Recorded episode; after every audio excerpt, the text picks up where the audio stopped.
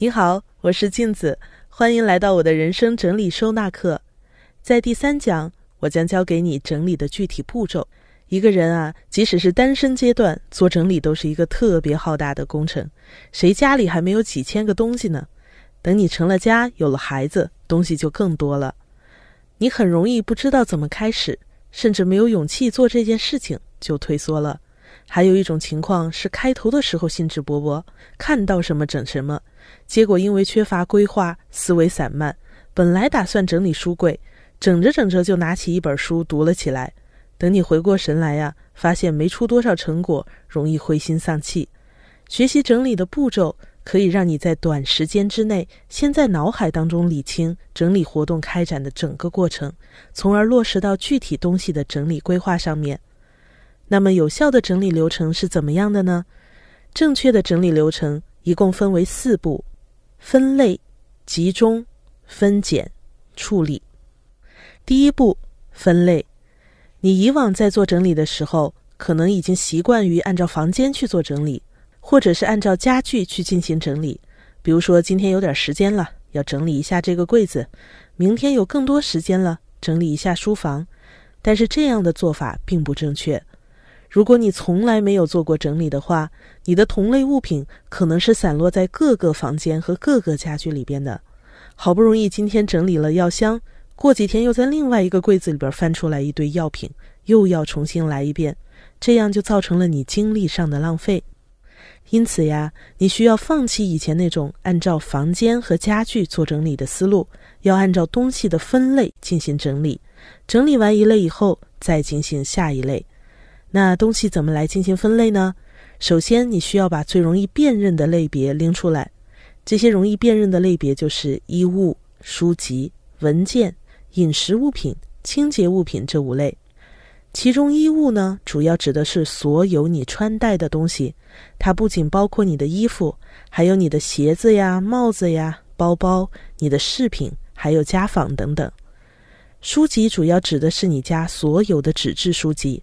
文件指的是你家里边除了书籍之外所有的纸、所有的卡。以上说到的书籍不包括电子书，文件也不包括你电脑和手机里面的文件。你需要先学会家中实际物品的整理，之后再进入这些虚拟物品的整理。饮食类的物品指的是涉及到吃喝有关的一切东西，它们从厨房、冰箱遍布你餐桌的一切。那清洁类的物品呢？包括个人的清洁护理。化妆品，还包括用于家庭的清洁、护理、装饰品。这五类东西呀，一般人都比较容易判断它们是怎么归类的。画完这五类之后，你会发现有些东西你自己很难分类。我把它们叫做不可描述物品，比如说文具呀、药品呐、电子产品啊、你的个人兴趣爱好用品、宠物用品、差旅用品等等，零零散散，很难归类。没关系。这个时候呢，你就把它们归置到一起，用第一讲我给你讲过的“一年没用过、不需要、不舒服、不合适、不心动”五个标准，判断这些东西要不要，把该扔的扔掉，后面的收纳就容易了。最后，家中还有一些对你来说有纪念意义的回忆物品，或者是你为未来做准备的梦想物品，这些都是你的人生物品。你可以把它们统一都留到最后一个环节去进行整理。那以上的分类，你在整理的时候怎么操作呢？在整理的时候，按照上面讲到的七个大类，从易到难的进行整理。首先整理衣物，最后整理人生物品。因为衣物是你每天都会接触到的东西，使用的频次也比较高。而人生物品，因为它涉及到你的人生规划，还包括你对过往人生的盘点。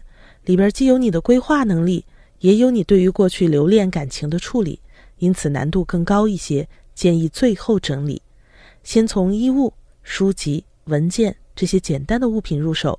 等你的决策能力提高之后，再面对后面难度更大的物品，比如说很难分类的不可描述物品、人生物品，在整理它们的时候，你才会更加得心应手。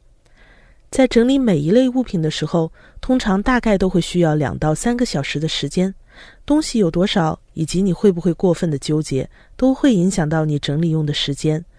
如果你的时间看起来不够完成一类物品的整理，你可以先把它们进行拆分，先做其中的一小类。比如说，可以单独把衣服找一天来整理，鞋子、帽子和包包再找另外一天去整理，先进行合理的时间规划。整理的第二个步骤是一次性的集中。什么叫做一次性的集中呢？是指在进行每个品类的整理的时候啊，需要把散落在各处的这一类的物品全部拿出来，把它们集中在一起做一次性的整理。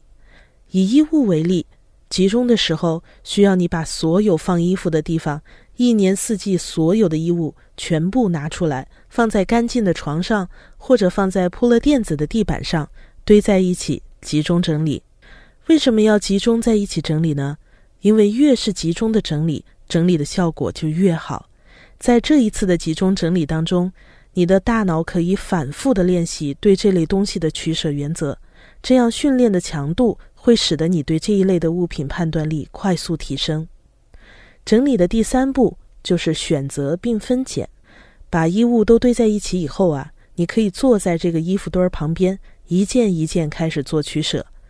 在选择的过程当中，请使用第一讲教你的五个选择标准。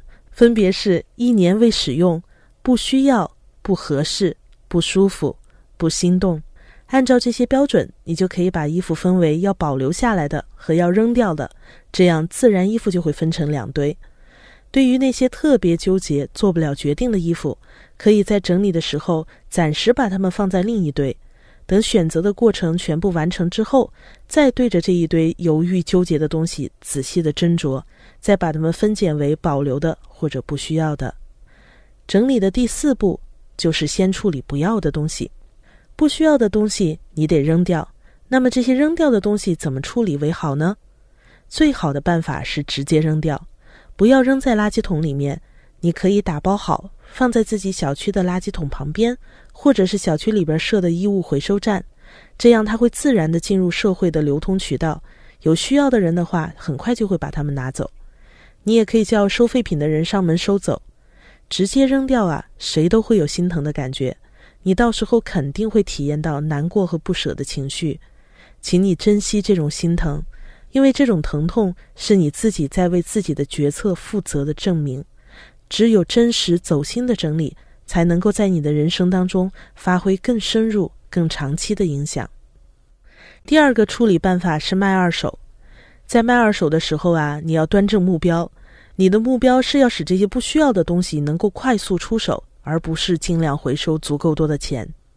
因此，推荐你在卖二手的时候，把价格设置的稍微低一些，方便你出手。不要考虑，哎呀，这个东西我当初买的时候多少钱，现在我得卖多少钱，我才能回本儿。卖二手的时候呀，涉及到你跟买家的反复沟通，这可能会耗费你的时间精力。你同时也要考虑到你的时间成本到底值不值得为不需要的东西再额外花费。第三种方式呢是捐出去，这里要注意，如果你是为了回避心疼的感觉而选择捐出去，这样你就觉得物有所用，自己没有浪费，这种心态是需要纠正的。请你务必选择别人需要的东西，而不要把这个当做解决负罪感的方式。我最反对的方式是送给他人。送给自己的父母、兄弟姐妹和朋友，建议你不要因为自己不需要就把这些东西送给别人，因为你不知道别人是否需要，送给别人可能也是为对方带来麻烦。不要的物品处理完以后，我们才能对留下来的物品做好收纳的工作。这也就是我为什么强调整理是收纳的前提。没有经过整理的物品直接进入收纳。在我们整理师看来，这是无效的工作，起不到整理人生的作用。总结一下，这一讲我讲了整理流程的四个步骤，分别是分类、集中、分拣和处理。现在你已经知道整理物品时的选择标准和整理的流程，但在实际操作的时候，你可能还会遇到一些东西难以判断。接下来的几讲，我会一一帮你突破难点。这一讲，我想请你分享一下，你是怎么处理那些要扔掉的东西的。